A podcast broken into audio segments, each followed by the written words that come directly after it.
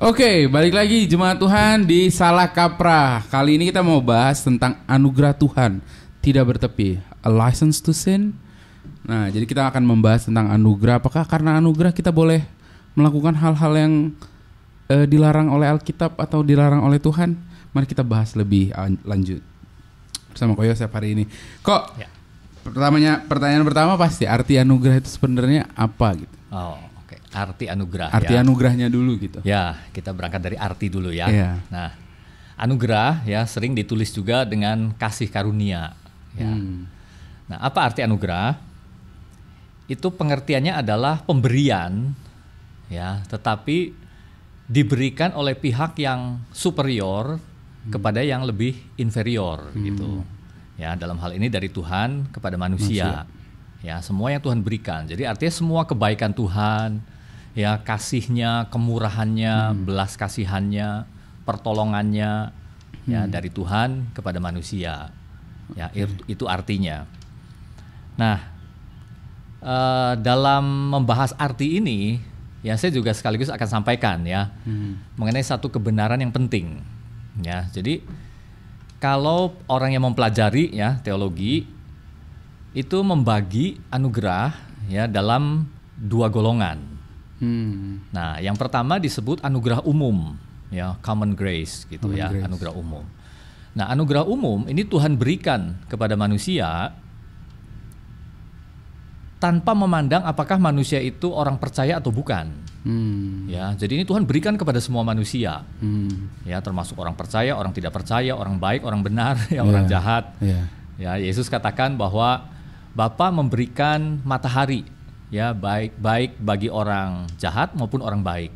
Ya, Tuhan juga menurunkan hujan bagi orang benar maupun orang tidak benar. Iya. Ya, ini anugerah umum. Hmm. Nah, berupa apa saja anugerah umum ini? Misalkan berupa apa yang Tuhan berikan melalui alam. Ya. Hmm.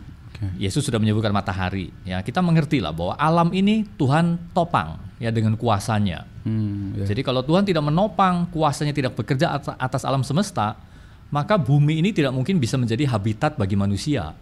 Iya. Ya, jadi ada tangan Tuhan itu anugerah umum. Hmm. Nah, kemudian ada lagi anugerah dalam hal si manusianya, Tuhan berikan intelektual. Ah. Ya, Tuhan berikan kreativitas.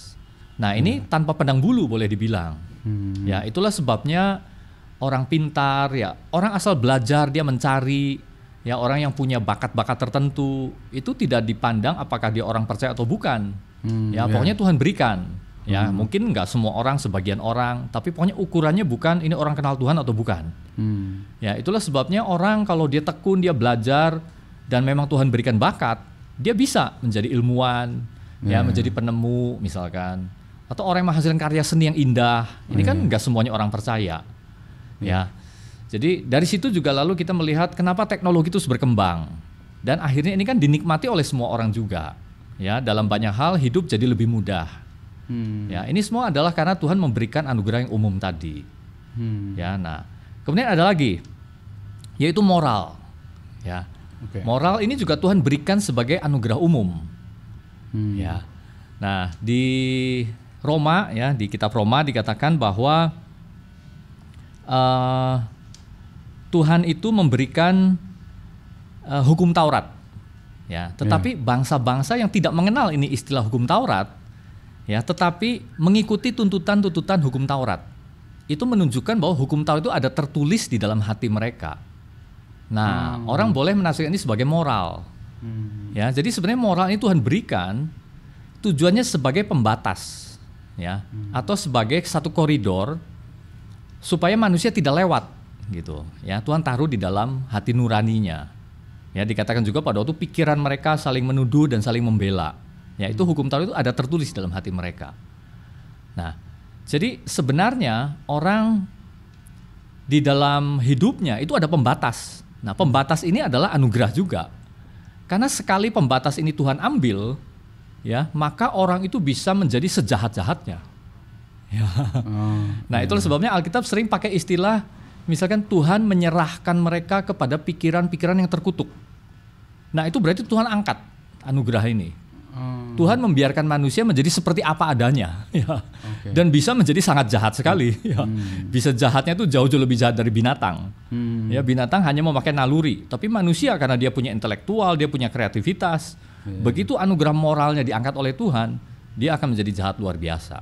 Hmm. Ya. Jahatnya kreatif. Nah, jahatnya kreatif betul. jahatnya sangat-sangat berbahaya. ya. nah, kemudian ada lagi anugerah yang kita katakan sosial, ya.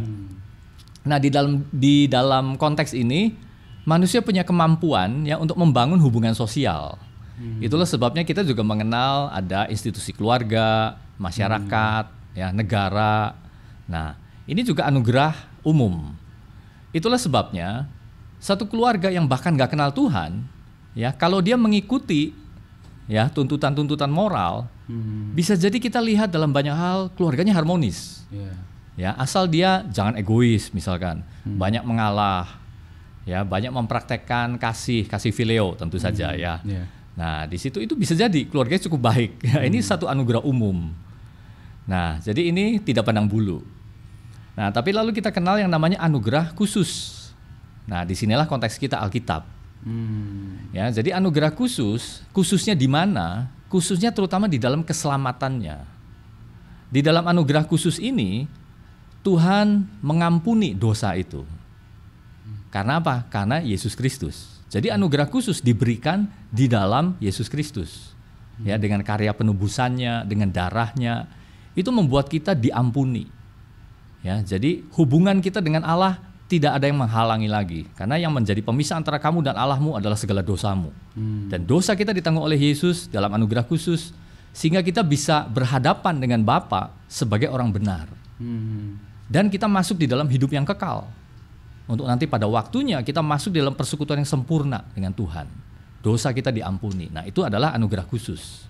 Oke. Ya, jadi memang cukup panjang, tapi kurang lebih itu arti anugerah. Ya. Berarti ada dua ya, satu Ya. yang common semua orang bisa nikmati, Betul. dan ada satu yang khusus, khusus banget cuman orang-orang Ya. yang percaya Kristus. gitu ya, Kristus Pak. betul bagi yang percaya betul. Oke. Itu kan tadi secara arti nih kok. Anugerah itu punya dua yaitu satunya eh, di mana itu common semua orang bisa menikmati. Yang satu yang khusus hanya untuk orang-orang yang percaya pada Kristus. Iya. Secara konsep bisa dijabarkan nggak kok arti anugerah ini sebenarnya apa sih konsepnya gitu? Oh ya konsep ya. Oke. Eh, jadi begini konsep. Nah konsep anugerah ya dari sudut pandang manusia dengan sudut pandang Alkitab ini juga ada perbedaan. Beda. Oh, Oke. Ya. Kalau manusia memandang umumnya seseorang memperoleh anugerah, dianugerahkan sesuatu itu karena dia sudah melakukan sesuatu. Hmm, ya. ya karena dia ada jasanya jadi dia berhak ya contohnya presiden memberikan anugerah ya. Ya. menganugerahkan bintang mahaputra Ya, ya, ya, tentu saja bukan tanpa alasan karena orang ini memang layak gitu ya. Hmm, betul. nah tetapi konsep anugerah di dalam Alkitab justru manusia tidak layak sama sekali. Hmm. ya tidak layak. Tetapi toh Tuhan memberikan. Ya jadi ini perbedaan penting. Hmm. ya penting sekali. Manusia tidak layak tetapi Allah memberikan. Ya jadi sebenarnya Allah bisa saja ya membiarkan manusia di dalam pilihannya sendiri di dalam tujuan hidupnya sendiri. Allah tidak perlu turun tangan. Nah tetapi kasih Allah inilah yang membuat Allah akhirnya memberikan anugerahnya. Hmm. ya terutama anugerah keselamatan tadi. Ya itu sekaligus membuat manusia berbalik ya kembali pada tujuan semula Allah menciptakan manusia. Yaitu supaya bisa bersekutu dengan Tuhan ya bisa menyembah Tuhan dan segala dosanya tidak menjadi penghalang. Ya jadi eh, itu konsepnya. Hmm. nah memang di dalam eh, Kristus Yesus.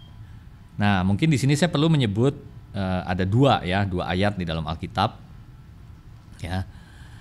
Karena ini adalah anugerah yang menyangkut keselamatan jiwa seseorang ya keselamatan rohnya sampai pada kekekalan. Nah saya akan bacakan dari Roma 3 ya ayat 23 sampai 24 karena semua orang telah berbuat dosa dan telah kehilangan kemuliaan Allah dan oleh kasih karunia ya anugerah telah dibenarkan dengan cuma-cuma karena penebusan dalam Kristus Yesus. Ya, jadi itu anugerah yang menyelamatkan seseorang, membuat hidupnya berbalik, berbalik kepada Allah, ya, dan menempuh satu arah hidup yang baru, tujuan yang baru. Nah, Itu anugerah yang menyelamatkan. Hmm. Nah, setelah orang itu di dalam Kristus, selanjutnya dia kan harus berjalan. Ya, harus menempuh hidupnya yang baru gitu ya, lahir baru. Nah, di sini juga kembali ada anugerah Allah. Ya, ini berarti anugerah setelah orang diselamatkan, bagaimana dia mengerjakan keselamatannya. Ini juga ada anugerah ya. Orang harus berada di dalam anugerah. Misalkan di dalam kisah para rasul 20 ya ayat 32. Nah, ini adalah doa Paulus bagi jemaat Efesus. Jadi waktu ceritanya Paulus mau meninggalkan jemaat ini. Tapi Paulus tahu bahwa sepeninggal dia di dalam jemaat ini akan muncul serigala-serigala gitu ya. Orang-orang yang berusaha menyelewengkan, ya penyesat-penyesat gitu. Nah, tetapi kita lihat apa yang Paulus yakini di sini ya, kisah 20 ayat 32 dan sekarang aku menyerahkan kamu kepada Tuhan dan kepada firman kasih karunia-Nya yang berkuasa membangun. Ya, yang berkuasa membangun kamu dan menganugerahkan kepada kamu bagian yang ditentukan bagi semua orang yang telah dikuduskannya. Ya, jadi ini anugerah yang punya kuasa untuk orang itu tetap dibangun, tetap berada di dalam keselamatan. Ya, tetap dilindungi. Nah, satu lagi di Roma 5 ayat 21. Ya. Roma 5 ayat 21 supaya sama seperti dosa berkuasa dalam alam maut, demikian kasih karunia akan berkuasa oleh kebenaran untuk hidup yang kekal oleh Yesus Kristus Tuhan kita. Nah, jadi di sini anugerah itu kita pahami sebagai satu pengaruh ilahi, ya, satu kuasa ilahi di dalam hidup orang percaya yang terus memperbaharui, yang terus menguduskan, yang terus menjaga dan memelihara. Ya, itu anugerah. Begitu ya, itu konsepnya. Jadi konsep yang lebih menjelaskan lah kira-kira. Oke, berarti kalau misalnya nih kok di ayat yang ke Roma 3 ayat 23 tadi, Iya. karena semua orang telah berbuat dosa dan telah kehilangan kemuliaan Allah, oleh karena kasih, karunia dia telah dibenarkan dengan cuma-cuma karena penebusan dalam Kristus. Iya. Nah, ada ada banyak orang yang salah kaprah gitu, maksudnya akhirnya menganggap kalau anugerah tuh ya udah kan gue udah diselamatkan, yang penting eh, saya sudah menerima Tuhan sebagai eh, Tuhan dan juru selamat, berarti saya pasti selamat dong. Terus akhirnya keluarlah tadi a license to sin. Oh. Apakah itu konsepnya itu apakah seperti itu atau karena anugerah itu jadi kita bisa berbuat dosa aja gitu atau ada konsep lain gitu yang sebenarnya secara eh, Alkitab tuh kita harus mempergunakan anugerah kita tuh seperti apa sih sebenarnya? gitu? Iya, betul. Jadi jelas salah kaprah ya kalau dibilang ini license to sin. Ya. Iya. nah, nah, tapi kita akan berusaha dulu ya memahami nih mengapa orang sampai bisa salah kaprah seperti itu ya. Iya. Jadi begini. Pertama, memang anugerah itu harus dipahami. Dia mengampuni segala dosa. Ya, semua dosa. Jadi apa pun, ya dosa yang paling kotor, paling jahat, paling menjijikan, paling busuk, ya. Iya. Tidak ada yang lepas dari anugerah. Anugerah membasuh itu semua, mengampuni. Tuhan sama sekali tidak memperhitungkan, ya dosa apa pun. Dan kedua, juga dosa kapan pun. ya. Oh. Ini harus dipahami. Hmm. Ya artinya tidak mungkin Tuhan mengatakan baik saya mengampuni kamu hanya hari ini. Tapi awas, besok kamu berdosa, saya tidak akan mengampuni kamu. Nah, itu bukan anugerah. ya. Oke. Nah, jadi itulah anugerah itu segala macam dosa dan di segala waktu. Hmm. Jadi memang akhirnya orang memahami untuk dosa-dosa yang belum saya lakukan, tapi pada waktu nanti saya lakukan, Tuhan pun mengampuni. Ya, karena memang itulah cara kerjanya anugerah. Ya, Oh. itulah anugerah Tuhan itu sedalam dan seluas itu. Hmm. Nah, jadi dengan pemahaman ini lalu tentu saja ada orang salah kaprah. Iya. Berarti license to sin boleh berdosa. ya itu salah kaprah namanya, ya tidak boleh. Iya. Bukan dipahami seperti itu. Nah, salahnya di mana? Ya. Nah, kita harus sebenarnya ayatnya banyak pasti ya. Hmm. Kita akan lihat misalkan 1 Korintus 15 ayat 10. Ya. Tetapi karena kasih karunia Allah, aku adalah sebagaimana aku ada sekarang. Dan kasih karunia yang dianugerahkannya kepadaku tidak sia-sia.